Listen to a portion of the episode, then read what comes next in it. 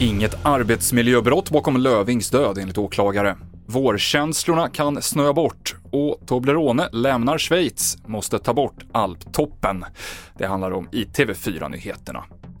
Det blir ingen förundersökning om arbetsmiljöbrott efter den tidigare regionpolischefen Mats Lövings död.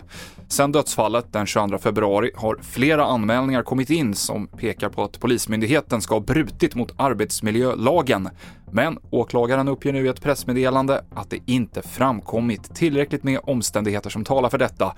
Alltså blir det heller ingen förundersökning. Den person som körde bilen som igår kraschade in i ett träd utanför Hässleholm misstänks nu för bland annat grovt vållande till annans död och rattfylleri. Totalt sju personer, alla i tonåren, färdades i bilen och en 17-årig pojke omkom. En flicka har vårdats för livshotande skador.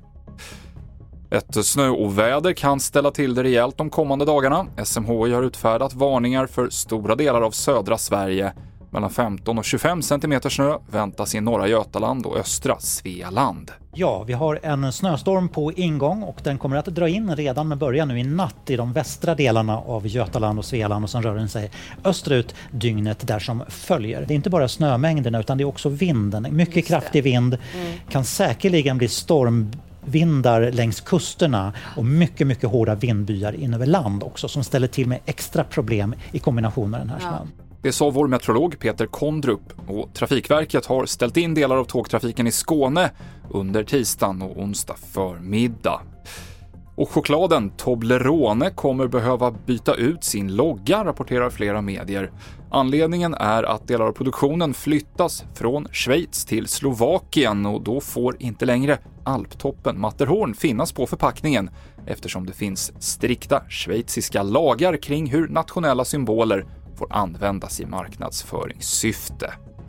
TV4-nyheterna i studion idag, Mikael Klintevall.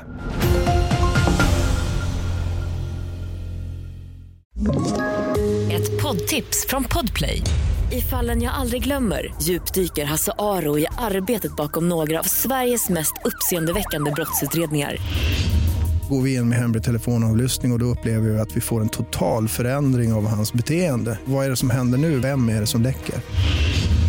Och så säger han att jag är kriminell, jag har varit kriminell i hela mitt liv men att mörda ett barn, där går min gräns.